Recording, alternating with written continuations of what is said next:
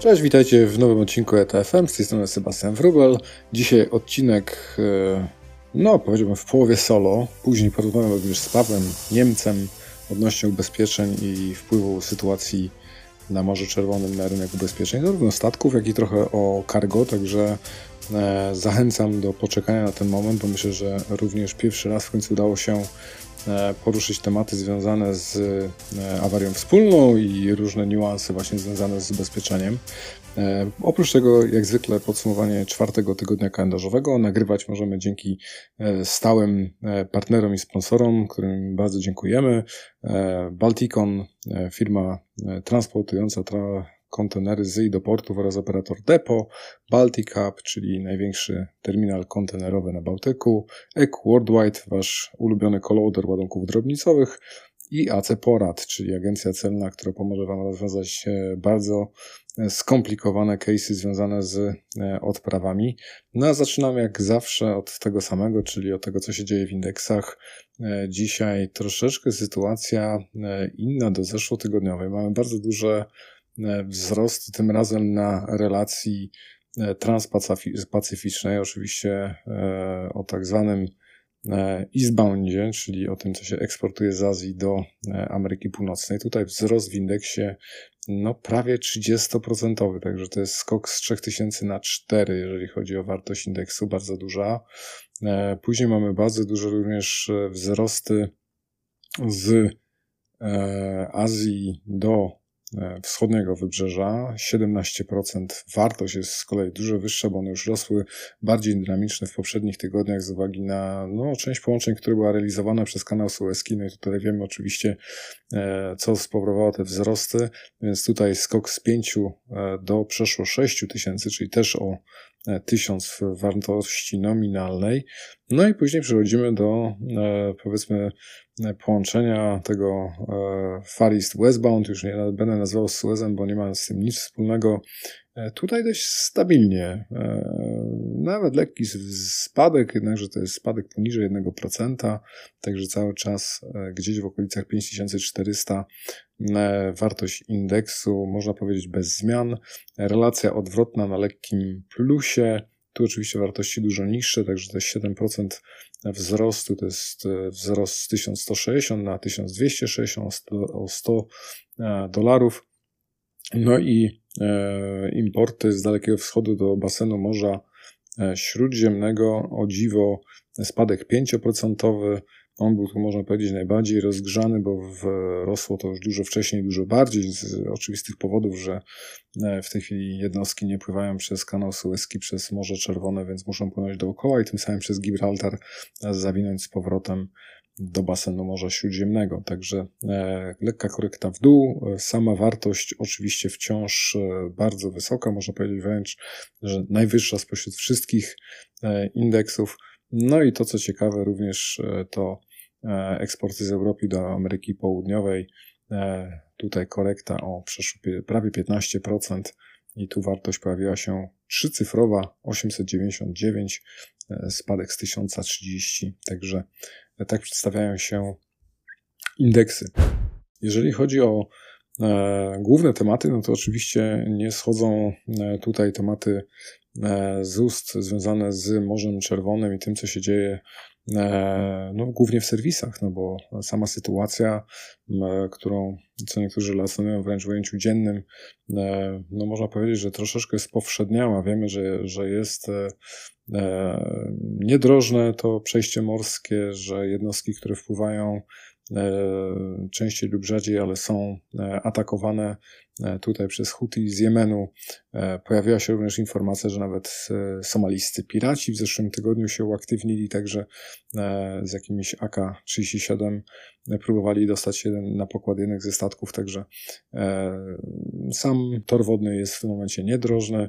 No oczywiście pojawiają się z tym związane implikacje w serwisach, także 2M, jeszcze Mersk z MSC, E, zaanonsował e, zmiany w swoich 12 e, serwisach transpacyficznych i wszystkich serwisach związanych z Dalekim Wschodem i Morzem Śródziemnym. Oczywiście The Alliance, czyli HAPAC, HMM, ONI, Yang Ming, ogłosiły zawieszenie połączeń z Korei, Chin, Singapuru do Akaby Zony i Jeddah, czyli serwis AR1. Od stycznia również Meskowy India, Dubaj do, Mediter do Mediterranean został w tym momencie przekierowany wokół przylądka Dobrej Nadziei i tym samym E, wypadły niektóre porty z rotacji, w tym Genua, port Set, Sala i Jeddah. No i CMA CGM e, z MSC również e, zmienił rotację swojego serwisu.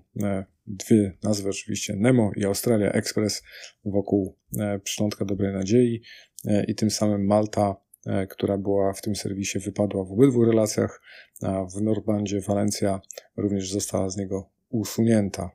Wszystkie inne pozostają, ale mimo wszystko e, no, sugeruję tutaj sprawdzanie dwa razy, jak te wszystkie rotacje e, wyglądają e, w serwisach, które są oferowane, bo sytuacja jest bardzo dynamiczna. To oczywiście również nie gwarantuje, że jak sprawdzicie przed, dzień przed zabukowaniem, że tak będzie, no bo jest na tyle dynamiczna sytuacja, że również po zabukowaniu już może się okazać, że nawet gdy, gdy kontener jest już w yardzie, może coś się zmienić i jednak nie popłynie zgodnie z planem. No z tym należy się w tej chwili bardzo mocno liczyć.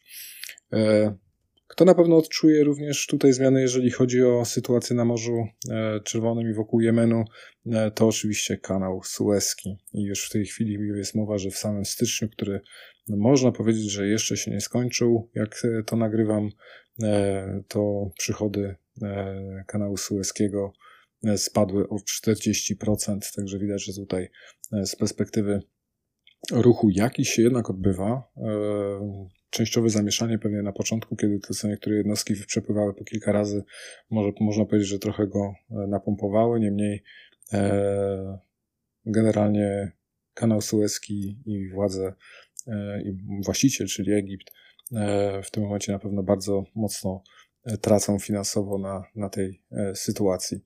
W konsekwencji również Mesk skraca swoje połączenie Mediterranean do subkontynentu indyjskiego, tak zwane ME2, e, gdzie również e, pojawiają się zmiany, takie jak wypadający z serwisu Valencia, Vadoligere, Port Said, Jeddah czy Salah w relacji westboundowej, a na eastboundzie podobnie. Dawno już nie rozmawialiśmy na łamach o tailwindzie, czyli tej linii żeglugowej będącej własnością E, Schwarz e, Group, czyli właściciela Lidla i, e, i Kauflandu. No i pojawiała się też informacja, że też w związku z tą sytuacją, która ma w tej chwili miejsce, zmieniają swój Panda Express, czyli tak zwany PAX i tym samym o dziwo w ogóle, bo to jest bardzo ciekawa zmiana z perspektywy no można powiedzieć porównania do wszystkich innych linii żeglugowych, wypada z serwisu Rotterdam. Także widać, że tutaj e, porty e, śródziemnomorskie e, są w tym momencie preferowanymi, jeżeli chodzi o obsługę Tailwindu. No i tym samym Rotterdam wypada serwisu i będzie obsługiwany przez transshipment z Barcelony do Merdiku, czyli do Rotterdamu poprzez Delphin Express, czyli ten wewnętrzny feederowy serwis, jaki mają również w Tailwindzie.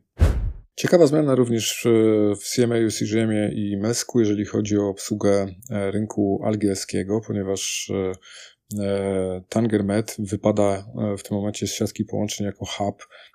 Wolumeny w, no, w wielu serwisach zaczynają rotować poprzez Algeciras, Walencję i Barcelonę.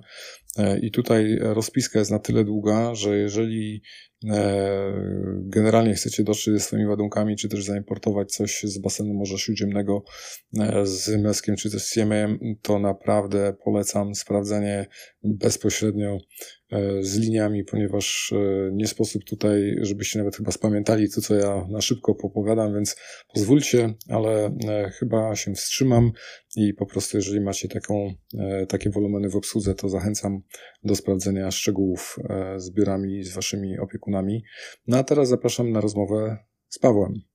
Dzisiaj na łamach ETA FM i naszego podcastu mam przyjemność rozmawiać z Pawłem Niemcem, e, specjalistą od e, ubezpieczeń, e, cargo, ale też można powiedzieć ogólnie masz pojęcie duże odnośnie rynku ubezpieczeń związanych z transportem morskim. Także cześć Paweł, może na początek powiedz coś o sobie. Dzień dobry. Ja pracuję w ubezpieczeniach w zasadzie od, od końca studiów.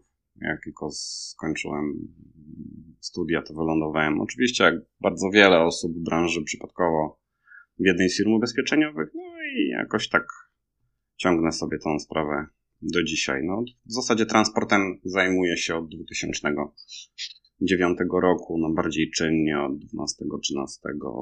roku, no to już będzie no, chwilkę. Też pod czasu, to już pewnie wiele ciekawych e, sytuacji widziałeś. Te ostatnie kilka lat jest bardzo mm, dynamicznych. To są takie zdarzenia, które e, zazwyczaj utkwią ci w pamięci. Natomiast no, budują też jakąś świadomość i jakby no, konstytuują to, co masz do powiedzenia, albo twoje doświadczenia ogólnie tak, jak chciałbyś e, odnosić się też do swojej pracy. Nie? Doświadczenie w dużym stopniu no, wpływa na, na pracę jako taką. Tak, na pewno. E, Paweł, ja Ciebie zaprosiłem, no bo mamy, e, że tak powiem, znowu zdarzenia w obszarze frachtu morskiego, które powiedzmy jeszcze pewnie w przedostatnim kwartałem zeszłego roku nikomu nie mieściły się w głowie. To, co gdzieś tam się działo E, no już trzy lata temu e, w kanale sueskim spowodowany przez jeden statek, to, to w tej tak. chwili jest to pikuś, można powiedzieć, z perspektywy sytuacji tak. na morzu, bo wtedy mieliśmy blokadę e, kanału przez bodajże tydzień, aktualnie już mija ponad 40 dzień mhm. wzmożonych, że tak powiem, E, trudnych sytuacji w okolicach wybrzeża Jemenu. No i pojawia się coraz więcej gdzieś tam informacji, jakie to ma również potencjalne implikacje e, na, na nie wiem, czy rynek ubezpieczeniowy, czy przez, e, nawet może przez ubezpieczenia w sumie spowodowanych, no bo pojawiają się informacje o wzrostach kosztów ubezpieczenia od ryzyka wojennego, pojawiają się jakieś domysły związane z tym, że w sumie to właścicieli, e, właściciele statków e, tak z jednej strony mogą mieć argumenty do tego, żeby podejmować decyzje przez pryzmat ryzyka oczywiście, a z drugiej strony być może to wcale nie są ich decyzje, bo po prostu e, znaczy ich decyzja na pewno jest, bo tak, też można popłynąć. Dokładnie. Jeżeli jest to tego typu decyzja, to pewnie trudno ją podjąć, zwłaszcza jak się ryzykuje, nie wiem, statkiem za kilkadziesiąt, czy też kilkaset milionów dolarów. Jak to wygląda? w tej chwili? Pierwotna przyczyna oczywiście znajduje się po stronie ugrupowania Houthi w Jemenie aktualnie. Zresztą cała ta sytuacja, która tam się wywiązała, ona jest złożona nie tylko i wyłącznie z samego Jemenu, bo w zasadzie wychodząc z założenia, że Jemen jest było nie było państwem upadłym, e, no to sposób, w jaki działania e, Houthi z obszaru Jemenu wpływają na Zatokę Adeńską i, i, i która tam się znajduje, e, w sposób w zasadzie stuprocentowy na podstawie tego, co mówią sami eksperci, nawet, nawet doktor Szewko o tym mówił, E, w swoich podcastach, że e, no, Iran odgrywa tam bardzo istotną rolę, jeżeli chodzi o mm, kwestię zaopatrywania mm, tego grupowania. I wszystkie te zdarzenia, które się nawarstwiły w ciągu ostatnich kilku tygodni, bo nawet sprawdzałem, że przedwczoraj dwa statki Merska zostały, były narażone, one ostatecznie nie zostały zaatakowane, bo tam Chodziło o statek Detroit i statek Chesapeake. Eee, trzy rakiety zostały wystrzelone, dwie zostały strzelone przez e, flotę amerykańską. Następnie statki zostały zawrócone. I większość oczywiście tych zdarzeń, między innymi te również, wpływają na e, ocenę ryzyka w towarzystwach ubezpieczeniowych, które e, dostarczają produkty, które mają od tego ryzyka w jakikolwiek sposób uchronić. Więc im jest większe prawdopodobieństwo wystąpienia jakiegokolwiek zdarzenia tego typu, e, no to stawka musi wzrosnąć. I jeżeli zdarzenia są spektakularne, czyli coś, z czym nie mieliśmy na przykład do czynienia od bardzo dawna, albo jest to na tyle istotne, że w bezpośredni sposób zagraża czy to statkom, czy ładunkowi, czy no po prostu ludziom, którzy na tych statkach pracują, e, no to ubezpieczenie ma tutaj podwójną rolę do spełnienia. Pewnym sensie e, jest to rola typowo merkantylna, czyli no, zwiększamy składkę, dzięki temu mamy więcej kapitału i biznes nasz ubezpieczeniowy rośnie. To jest pierwsza rzecz. To oczywiście wpływa bardzo istotnie na to, jak postępują armatorzy, o czym e, wspomniałeś wcześniej. Czyli jeżeli ta składka będzie na tyle wysoka, że nie będzie im się kalkulowało poruszać przez ten obszar, no to oni z tamtego obszaru zrezygnują i będą pływali Afrykę e, dookoła, tak jak w tej chwili to robią. E, kolejny aspekt jest związany też z tym, że e, jeżeli ta stawka zostanie podniesiona, to ci, którzy mimo wszystko zdecydują się wypływać tamtędy, no poniekąd tą składkę zapłacą, ale wtedy zakłady ubezpieczeń, czy towarzystwa, czy syndykaty ubezpieczeniowe, które tak naprawdę odpowiadają za ubezpieczenia morskie, są e, gotowe na to, żeby brać czynny udział e,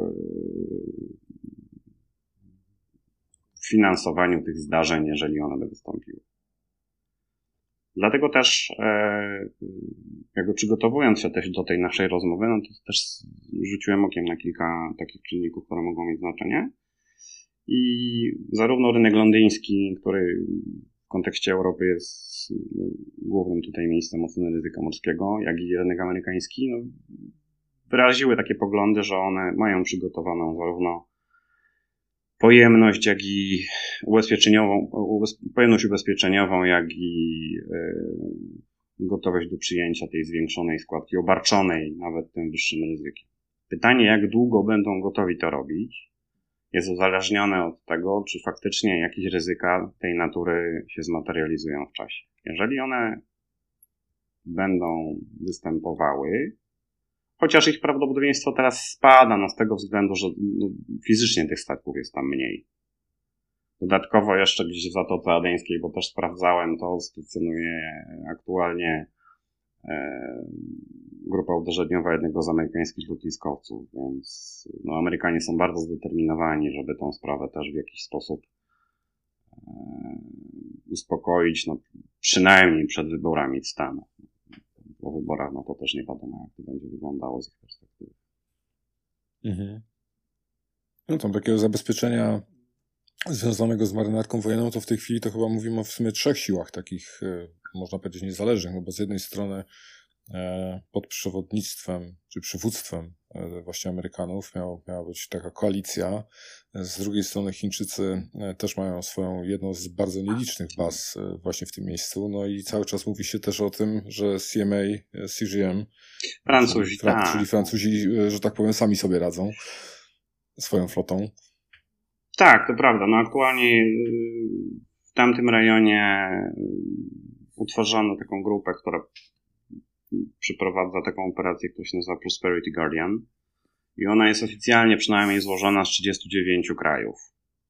Natomiast no, nie ma się co oszukiwać. Y, no, tak jak powiedziałeś, no, główną siłę stanowią jednak Amerykanie ze względu na zaplecze takie lotniczo, lotniskowcowe, y, plus kwestie związane z zabezpieczeniem w ogóle całego tego obszaru jak sprawdzałem nawet na stronach internetowych, to lotniskowce brytyjskie w dalszym ciągu są na południu Anglii, francuski lotniskowiec w dalszym ciągu w Tulonie. E, no to jest taka sytuacja, która na razie nie angażuje wszystkich na tyle, żeby wszyscy zjeżdżali w jedno miejsce. No, powiedzmy sobie szczerze, no, mi się wydaje, że ta sprawa dąży jednak tylko do tego, żeby ją w pewnym stopniu e, zdeeskalować, żeby ona miała mniejsze natężenie, bo ona raczej nie zniknie i to nie zniknie w przeciągu tygodnia, dwóch, miesiąca czy dwóch miesięcy. E, bo, bo, problem tkwi na lądzie, on nie tkwi na morzu. No, żeby rozwiązać problem na lądzie, on trzeba wejść na ląd. No, to akurat w tej sytuacji, która jest na Bliskim Wschodzie, no to, to jest już ciężko, ciężko cokolwiek przewidzieć. No nie chcę tutaj spekulować w ogóle tym zakresie. No, mm, większość osób się wstrzymuje tutaj od spekulacji w tym obszarze, bo, no bo mamy dużo, e, nie wiem, przykładów, w których te konflikty na, na, na lądzie w tym regionie świata trwały po, nie wiem, nawet kilkadziesiąt lat. Tak, więc... oczywiście, że tak. Tru, trudny temat. No ale powiedz mi, to w takim razie z tego, co mówisz, to rozumiem, że na tą chwilę y, ubezpieczyciele E, to przez tą pojemność, którą. Tak, oni, te, oni, teraz, oni teraz na pewno korzystają z tego faktu. Tak? Mhm. I... Ale w sensie chęć ubezpieczania tych jednostek jest. Jest tak, tylko kwestia tego, jest. za ile. To jest kwestia. Hmm. Tak, w ubezpieczeniach jest pewien dogmat. Yy, polega on na tym, że większość ryzyka jest kwestią ceny. Mhm. Tak, natomiast jest pewna granica, czyli tak jak yy, gdzieś tam w kontekście naszej rozmowy już można było to usłyszeć, czyli to, że jest taka suma pieniędzy, której klient nie jest skłonny zapłacić. Tak? I trzeba to oceniając ryzyko zbalansować. Czyli klient musi mieć takie poczucie, że nawet jeżeli płaci dużo, to płaci za coś, czemu może zaufać w przypadku zdarzenia objętego umową. Natomiast no, nie może być to też cena abstrakcyjna, no bo czasami stosuje się takie wybiegi, na przykład jak nie chcesz czegoś ubezpieczyć, bo widzisz, że to ryzyko no, zmaterializuje się albo bardzo szybko, albo szansa wystąpienia szkody jest prawie pewna. E, to stosujesz wtedy taką stawkę, albo żądasz takich pieniędzy, że po prostu klient od ubezpieczenia tego ryzyka odstąpi. W ten sposób też można jakby kształtować zarówno portfel ubezpieczeniowy, jak i no, zachowanie klienta tak w skali masowej. Jeżeli tutaj doszło do takiego zdarzenia, że ryzyka związane e, z wojną podrożały do tego stopnia, że armatorzy zdecydowali się omijać tamten obszar, e, no to prawdopodobnie jest to też e, z tym związane. Oczywiście zakładam, że głównym powodem, dla którego omijają ten obszar jest jednak troska o dobro ładunku, życie ludzkie, no i takie no, wyższe wartości niż tylko i wyłącznie pieniądze. No ale ostatecznie gdzieś tam ktoś to wszystko policzy. Mhm. No, wiesz co, powiem Ci, że tak się na, na, sam koniec rozmowy zostawiałem sobie tą awarię wspólną, która jest takim tematem, mhm. który mam wrażenie, że wielu osobom e, można powiedzieć, brakuje tej perspektywy w ogóle w ocenie tego, zwłaszcza mm. gdzieś tam początkującym filmom, które gdzieś importują, mm. czy też eksportują swoje towary w zależności od incotermsów. E, ale teraz tak się zacząłem w sumie zastanawiać na podstawie tego, co powiedziałeś, no bo mm, e, w tej chwili mówiliśmy no, o ubezpieczeniu, można powiedzieć, jednostek przez y, linie tak, żeglugowe, czy tak. też właścicieli. E, aczkolwiek te aspekty w ogóle związane z ubezpieczeniem morskim są na tyle skomplikowane i właśnie, że w sumie na jak się pierwszy raz ktoś z nimi styka, to ciężko zrozumieć, e, o co w tym chodzi. Czy ten, e, Bardzo aspekt... złożona problematyka, oczywiście, tak. No właśnie, bo to jeszcze wynika z takich, y, y, bym powiedział, bardzo historycznych aspektów, nie? gdzie część tak, y, tak, tak, rzeczy tak, związanych w ogóle z prawem morskim, no to jest naprawdę stare przepisy, można tak powiedzieć, tak, też tak, podstawy tak. ich tworzenia już w dalekiej przeszłości powstawały, a mhm. no ale powiedz awaria wspólna, czyli ten, zresztą powiem Ci Zostawię no. Tobie tą, e, ten, tą przyjemność przedstawienia w ogóle, czym jest awaria wspólna, bo sam nie chciałbym z jakiegoś dodatkowego zamieszania wprowadzić, e, żeby to wszyscy pojęli, e, że tak powiem, szczegółowo, co z czym. Awaria wspólna, jeszcze nie dochodząc do samej definicji, to jest jedno z najbardziej spektakularnych zdarzeń na morzu co do zasady, ponieważ wówczas, gdy ono się pojawia, pojawia się raczej w niewielkim stopniu. Większość szkód ma charakter wynikający zwyczajnie z, z przebiegu podróży morskiej. I y, kapitan podejmując decyzję o tym, czy awaria wspólna wystąpi, y, musi mieć absolutną pewność, że to jest decyzja słuszna, ponieważ i, i tak, i tak później ta decyzja zostanie oceniona. Y, jest to zdarzenie, które w zasadzie swoje źródło, y, tak jak powiedziałeś, historycznie y, odnosi się ta instytucja w ogóle prawa morskiego.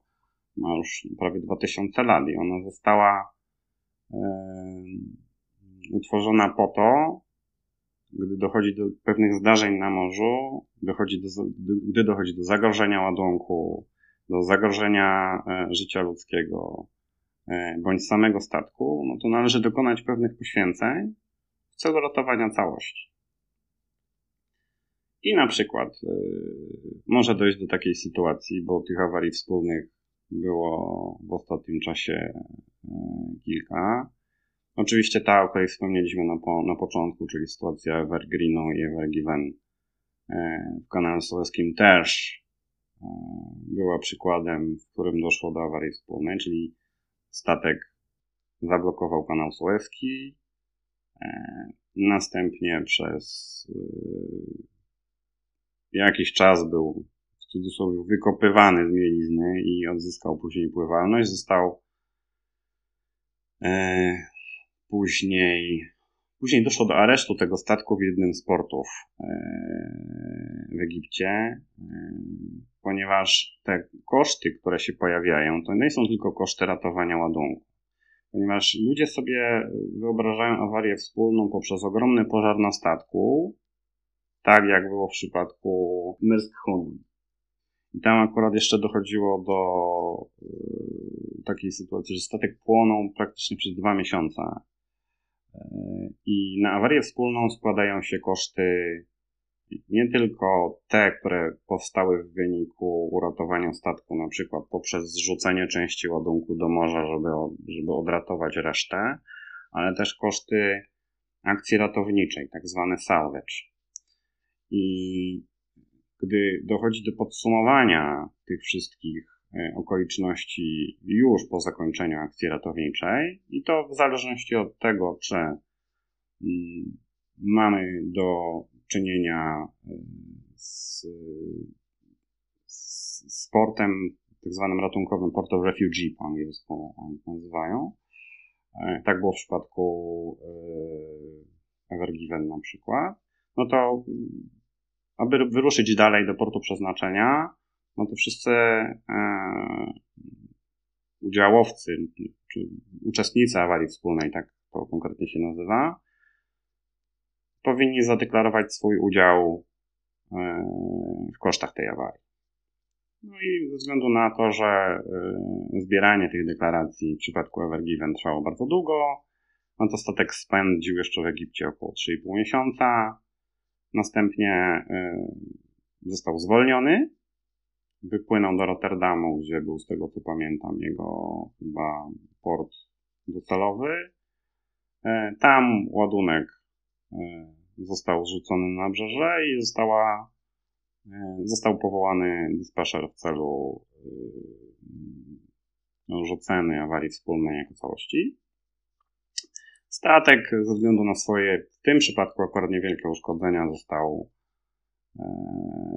chyba naprawiany we Felix to już w tej chwili, no już nie będę wnikał jakby w szczegóły. W każdym razie,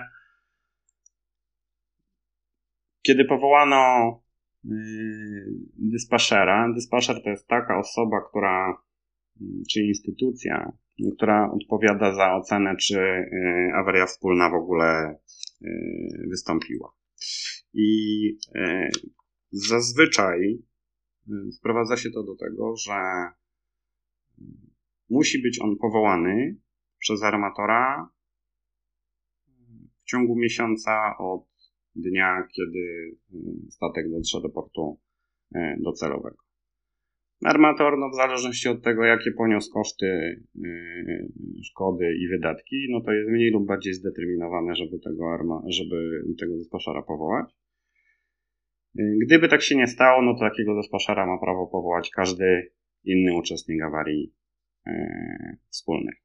No i następnie dochodzi do e, oszacowania tej całej sytuacji, czyli sprowadza się to do tego, że e, sprawdzane są wszystkie ładunki, które zostały pozostawione, które pozostały na statku. E, uwzględnia się również wszystkie wartości, które mm, zostały poświęcone na rzecz tego, żeby statek i ładunek y, ocalić. I teraz, e, gdy y, dyspaszer zostanie już powołany, ma on obowiązek stwierdzić, czy y, awaria wspólna, czyli tak zwany general average wystąpił. Tutaj właśnie podlega ocenie to całe działanie bądź zaniechanie kapitana statku. I jeżeli ustali, że awaria wspólna wystąpiła, to następuje, przystępuje do jej rozliczenia. Każdy uczestnik awarii wspólnej, jeżeli taka zostanie ogłoszona, e, powinien dostarczyć dyspacherowi tak zwany General Average Security, który się składa w zasadzie z dwóch dokumentów. Jednym z nich jest General Average Bond, czyli tak zwany bon awaryjny. Jest to forma zobowiązania, lub jak jesteś ubezpieczony od cargo yy, pewnej formy gwarancji zapłaty, czyli zobowiązujesz się poniekąd do tego, że wpłacisz ten udział, który został wyliczony w awarii wspólnej. Czyli, czyli, to, czyli to, te strony, które mają ubezpieczenie, znaczy one są, w, one są w uprzywilejowanej pozycji, tak. tak. Mhm. A ci, są... co nie mają ubezpieczenia, to co, muszą ci, stworzyć ci... jakąś gwarancję bankową, coś takiego? Czy... nie, oni muszą gotówką zapłacić. O, okej. Okay. Tak, no, to jest, właśnie awaria wspólna jest typowym przykładem e, takiego zdarzenia, w którym naprawdę cargo warto mieć. No, natomiast kończąc jeszcze ten wątek e, związany z tą dyspaszą, to mm, oprócz samego bondu, czyli e, tego bonu e, awaryjnego, uczestnik awarii wspólnej musi dostarczyć e, gwarancję zapłaty jeżeli jest ubezpieczony. I zazwyczaj taką gwarancję wystawia zakład ubezpieczeń, w którym e, uczestnik, właściciel ładunku jest ubezpieczony. W momencie, kiedy zajdzie takie zdarzenie, czyli w momencie, kiedy właściciel ładunku dowiaduje się, że e, na środku transportu, którym transportowany był jego ładunek, wystąpiła awaria wspólna, powinien powiadomić swojego ubezpieczyciela w celu po pierwsze wystawienia e, tych dwóch właśnie dokumentów, czyli z jednej strony, że zakład ubezpieczeń w imieniu klienta zobowiązuje się do zapłaty tego udziału e, depozytu, e, który został ogłoszony e, po wyliczeniach i awarii wspólnej. Następnie już gdy dojdzie do rozliczenia awarii, dostarcza dokument gwarancyjny, który świadczy o tym, że składka, e, przepraszam, nie składka, tylko zobowiązanie, udział tak naprawdę w awarii wspólnej zostanie sfinansowany przez, przez ubezpieczyciela. Czyli podsumowując, e, ci ludzie, którzy zdecydowali się na ubezpieczenie cargo, e, stoją w o wiele lepszej sytuacji niż ci, którzy albo tego ubezpieczenia nie mieli w ogóle, E, no albo na przykład e, zadeklarowali e, pomniejszoną wartość ładunku przy załadunku na konsumencie. Mhm. A powiedz mi, mhm. tak, ja wiem, że to wiesz, no, każda awaria wspólna to jest zupełnie co innego. Mhm. Każda jednostka innej pojemności, mhm. inne tam mhm. proporcje w tym, w tym udziale, ale o jakim rzędzie wielkości my mówimy w ogóle, jeżeli chodzi o te e, udziały, że tak powiem, e, pieniężne, nie? W sensie, czy to często się zdarza, że to jest... E, I to mogą być bardzo duże pieniądze. No, no właśnie, czy to często się zdarza, że to jest większe niż wartość towaru, który tak de facto, czy, czy, czy, czy, czy rzadko? W skrajnych, w skrajnych przypadkach może dojść do czegoś takiego, że na przykład, żeby zwolnić ładunek po awarii wspólnej, czyli żebyś go odzyskał, no to jeżeli te koszty nie przestaną rosnąć, tak jak na przykład w przypadku Evergiven było, gdzie te koszty e, salvage były określone na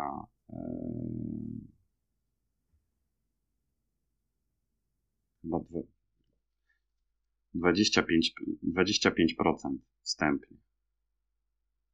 Czyli każdy teoretycznie, żeby e, zwolnić ładunek musiał zapłacić jakby 25 procent jego wartości. No to mogą to mieć bardzo duże pieniądze. W przypadku tego statku, który był tak zwaną największą e, mm, awarią wspólną w historii, czyli statku Maersk Funam, to depozyt ten gotówkowy, który mm, uczestnicy awarii wspólnej musieli wpłacić, wynosił 11,5%, natomiast koszty ratownictwa wyniosły 42,5%. Czyli łącznie to jest bardzo dużo pieniędzy. Dodatkowo za, e, bo tutaj też zasięgnąłem takich informacji, e, to za każdy 20-stopowy kontener e, należało dopłacić 750 dolarów, a za każdy 40-stopowy 1250. A wracając jeszcze do Evergiven, to właśnie ten koszt tego depozytu, czyli zobowiązania jakiemu uczestnik awarii wspólnej się podejmuje, e, wynosił 25%. Natomiast koszty e, ostatecznie e, na 15,5%. Zdarza się tak, że mm, ta stopa depozytu gotówkowego, czy też objętego bonem awaryjnym, jest wyższa niż faktyczne koszty, jakie są podejmowane. I w zasadzie powinno tak być.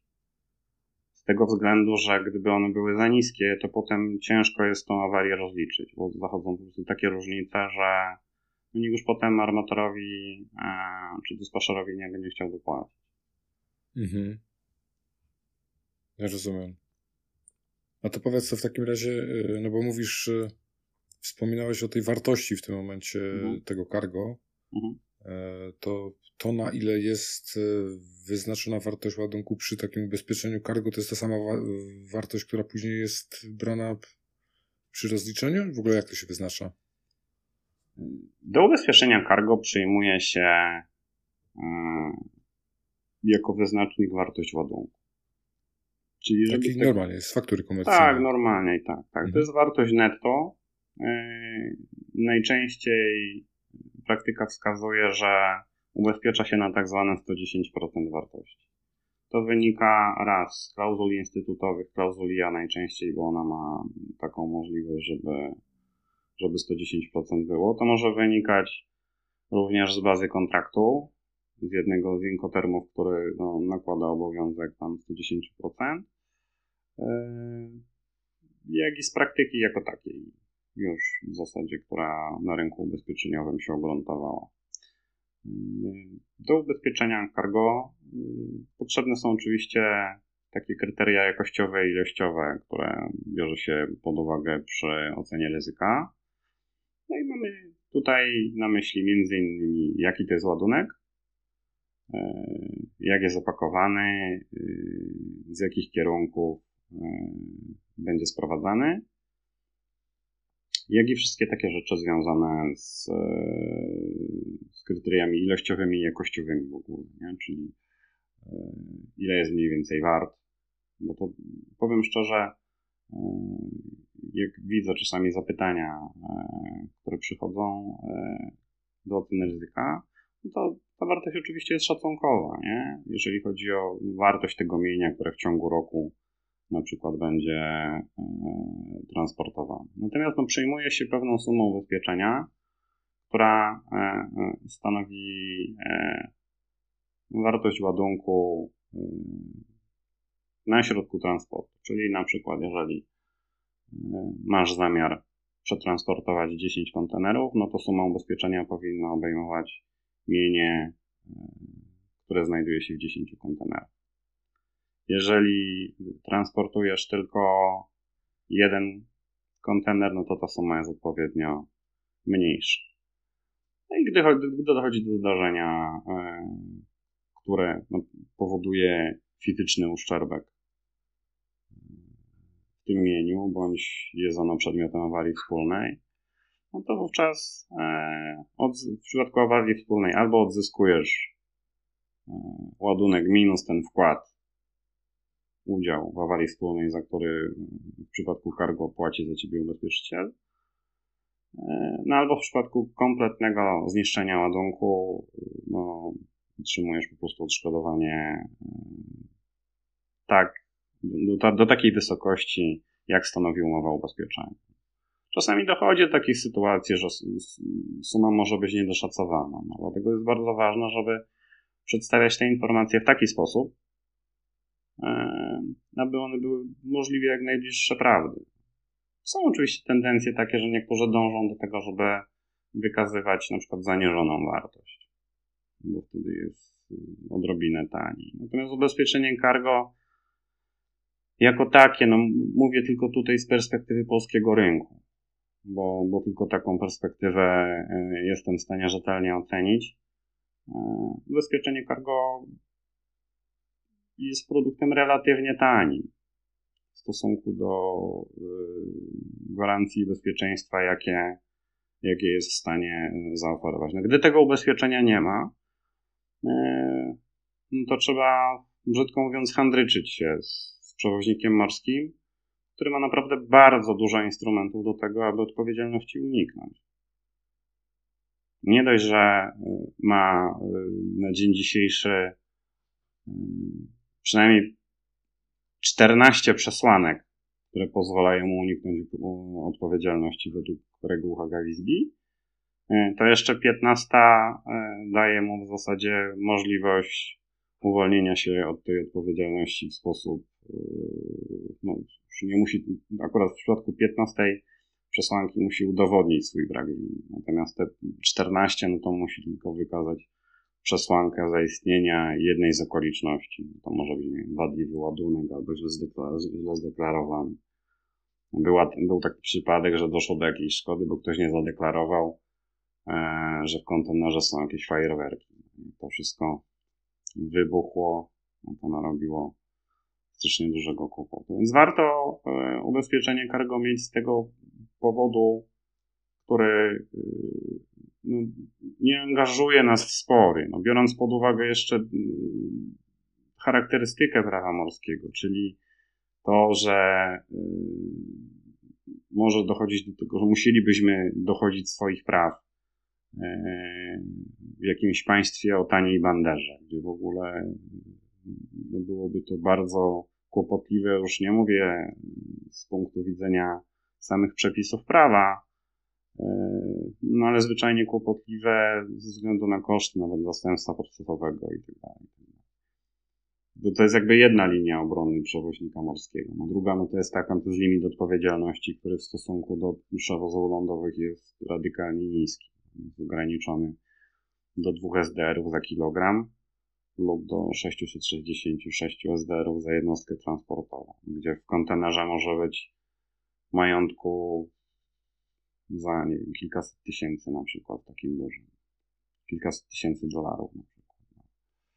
Oczywiście to też zależy od tego, jak są zadeklarowane te ładunki przewoźnikowi morskiemu. Natomiast no, Cargo jest o wiele e, lepszym ubezpieczeniem na morzu i lepiej się sprzedaje na morzu, między innymi dlatego, że prawo morskie ma tą charakterystykę, że zmienia się bardzo, bardzo powoli. I e, jakiekolwiek zmiany, które e, są implikowane albo gdzie zachodzą próby implementowania jakichkolwiek zmian zwiększających odpowiedzialność przewoźników morskich, no to zazwyczaj kraje morskie stanowią e, przeszkodę w ich ratyfikacji. I Zupełnie inaczej wygląda sprawa na lądzie. Na przykład przewoźnicy drogowi mają w tej chwili taką sytuację, że ich odpowiedzialność jest na tyle poszerzona, że w zasadzie e, na lądzie, w transporcie drogowym, e, cargo jest traktowane jako dodatkowy koszt. To nawet nie jest, oni tego nie traktują jako ochronę e, ładunku swoich klientów, tylko jak dodatkowy koszt. Dlatego też w interesie wszystkich, którzy mają gestię transportową, jakiś ładunek do nadania, szczególnie morzem, jest to, aby ubezpieczenie cargo było. Ze względu na to, że e, odpowiedzialność przewoźnika morskiego jest relatywnie bardzo niska i e, podlega e, szczególnym obostrzeniom ze strony potencjalnego beneficjenta tego odszkodowania, czyli e, poszkodowanego, strony ładunkowej, właściciela ładunku. to ubezpieczenie cargo pełni rolę nawet nie tylko konsem, kon, taką kompensacyjną, czyli, czyli uzupełnia jakby te straty, które wynikają z niewielkiej odpowiedzialności przewoźnika morskiego, ale tak naprawdę ją de facto zastępują, no bo to, co możemy otrzymać od przewoźnika morskiego, jeżeli w ogóle w żaden sposób nie rekompensuje strat liście materialnych i rynkowych, które wynikają z ceny. Już nie mówiąc z, o, o, sytuacjach takich, że no, tego ładunku po prostu nie mamy, to nie możemy go wprowadzić na rynek, nie możemy w żaden sposób czerpać z niego jakichkolwiek korzyści. Dzięki Paweł. To jest temat rzeka. A, oczywiście, tak. Tak, tak długo tak, jak no. istnieje, tak tyle się wątków gdzieś tam nagromadziło, także myślę, że dzisiaj to będzie takie e, trochę gwoli wstępu w ogóle do tego przy okazji e, tutaj sytuacji e, ciężkiej dla samych linii żeglugowych, ale, ale myślę, że to jest bardzo istotny fakt, żeby mimo wszystko wysyłający i odbierający towar mieli tą świadomość, że tutaj są bardzo duże różnice w stosunku do e, być może e, z tego transportu drogowego, w którym mogą mieć e, gdzieś tam szersze, większe doświadczenie. Także Paweł, dzięki Ci bardzo za dzisiaj i mam Nie nadzieję, że do usłyszenia. Jak pojawi, będą pojawiać się jakieś ciekawe aspekty związane z ubezpieczeniem, to też będę się do Ciebie odzywał z no, pytaniem, czy jesteś jest. skłonny do opowiedzenia trochę o którymś z nich. Tak, tak, tak. No jak jest, jak jest jakiś kłopot yy, na morzu albo na świecie, to się zazwyczaj temat cargo pojawia. Zazwyczaj w sytuacjach spektakularnych najczęściej. Na pewno. No, pomijając te, te momenty, jest to generalnie transport dość bezpieczny. Statystycznie oczywiście tak, no to biorąc pod uwagę zarówno odległość, jak i E, jak i możliwości ładunkowe, no to statystycznie transport morski jest najbezpieczniejszy, no mimo tych swoich legendarnych naleciałości. Tak jest. Także jeszcze raz dzięki i do usłyszenia. Nie ma sprawy. Do zobaczenia. Jak widzicie, to bardzo dużo różnych tematów jest związanych w tej chwili również z rynkiem ubezpieczeń. Rynek ubezpieczeń jako cargo, jako również jednostki, a jako jednostkach już mówimy, no to E, mamy oczywiście nową flotę e, na wodzie, e, ponieważ zostało w tym momencie do orderbooka dodane już ponad 2-3 lata temu te jednostki, więc po prostu one schodzą. Tutaj nie ma możliwości tak naprawdę, żeby to zatrzymać, jak dobrze wiecie. No i co ciekawe, dominuje tutaj, jeżeli chodzi o nowe jednostki zwodowane do tej pory w styczniu, tutaj jest statystyka dostępna co jedynie za pierwsze 3 tygodnie, dominuje oczywiście któż by inny jak MSC i nawet na pięknym wykresie, który ma w tej chwili przed sobą, oznaczony na kolor żółty. Można powiedzieć tuż za nim Mersk, jednakże tu jest wartość no, dwa razy mniejsza, czyli MSC ma 72 tysiące TIU zwodowane w styczniu, Mersk 36, dalej Costco 31, czyli dosyć podobnie, CMA 28, e, no i cała reszta 35. E, e, czyli można powiedzieć, że dopiero na trzecim miejscu, jeżeli chodzi o zwodowany tonaż, jest cała reszta łącznie, gdzie MESK i MSC mają więcej. No, póki co MESK woduje więcej niż CMA, także tutaj ten, ta hipoteza, że CMA już niedługo E, przeskoczy w rankingu i na pozycję numer dwa. E, myślę, że w tym miesiącu się jeszcze nie miała prawa ziścić. No a jeżeli chodzi o samą flotę, no to oczywiście sytuacja na, na Morzu Czerwonym również ma wpływ na tak zwany idle fleet, czyli na to, ile jednostek jest w obsłudze. E, wartość jest wciąż w trendzie spadkowym, w tej chwili poniżej 1%. Jest to trend, można powiedzieć, od samego początku E, tej sytuacji, czyli gdzieś tam od, od grudnia, gdzie był lekki pik do góry, w tej chwili wszystkie jednostki z powrotem, które się nadają do pływania, e, pływają. Ciekawa informacja padła również w zeszłym tygodniu od Roberta Mesk Ugl, e, CEO grupy AP Moller. Otóż zostało nadane imię w pierwszej jednostce, tej, z tych dużych jednostek, jednostce metanolowej, tutaj zostało nazwane E, imię e, Anne Mesk. No i tak jak wspomniałem, jest to pierwsza duża jednostka metanolowa, która już niedługo zacznie też krążyć po całym świecie. E, jak wiemy, Mesk dosyć mocno jako pierwszy w ogóle popatrzył właśnie na to źródło napędu, e, także te pierwsze jednostki, a to jest pierwsza duża tuż po tym fiderze, który e, dosyć gorąco komentowaliśmy o Urszuli, która była, gdzie imię nadane było w, w Kopenhadze uroczyście. Tym razem uroczystość odbyła się w Korei Południowej. Jak jedna z, jak no, jedna z wielu, która tak naprawdę jest w tym momencie e, tuż w stoczni od razu e, nazywana. E, również ONI widać, że idzie tym, tą drogą i w tej chwili zamawia 12 jednostek zasilanych metanolem o pojemności 13 tysięcy TIU, także myślę, że ta flota dosyć szybko tutaj rozwinie się do całkiem pokaźnych rozmiarów. No i zobaczymy, kto poradzi sobie z dostawami no, źródła napędu tego E-metanolu, gdzie to E to oczywiście jest, tylko pokazuje, w jaki sposób ten metanol został wyprodukowany, czyli z e, ekologicznych e, źródeł energii. Patrząc na porty, to myślę, że najciekawsza sytuacja ma miejsce w tej chwili w Rotterdamie. Jakiś czas temu relacjonowaliśmy już, że MSC razem z Rotterdamem będzie przebudowywać E, część e, e, terminalu ECT Delta, która wcześniej była dzierżawiona przez APMT, miało zostać powiększone. Widzimy, że, że będą opóźnienia w tej chwili. Było planowane, że, będą, że będzie on skończony w 2027 roku. Już w tej chwili jest przesunięcie na 2028 rok.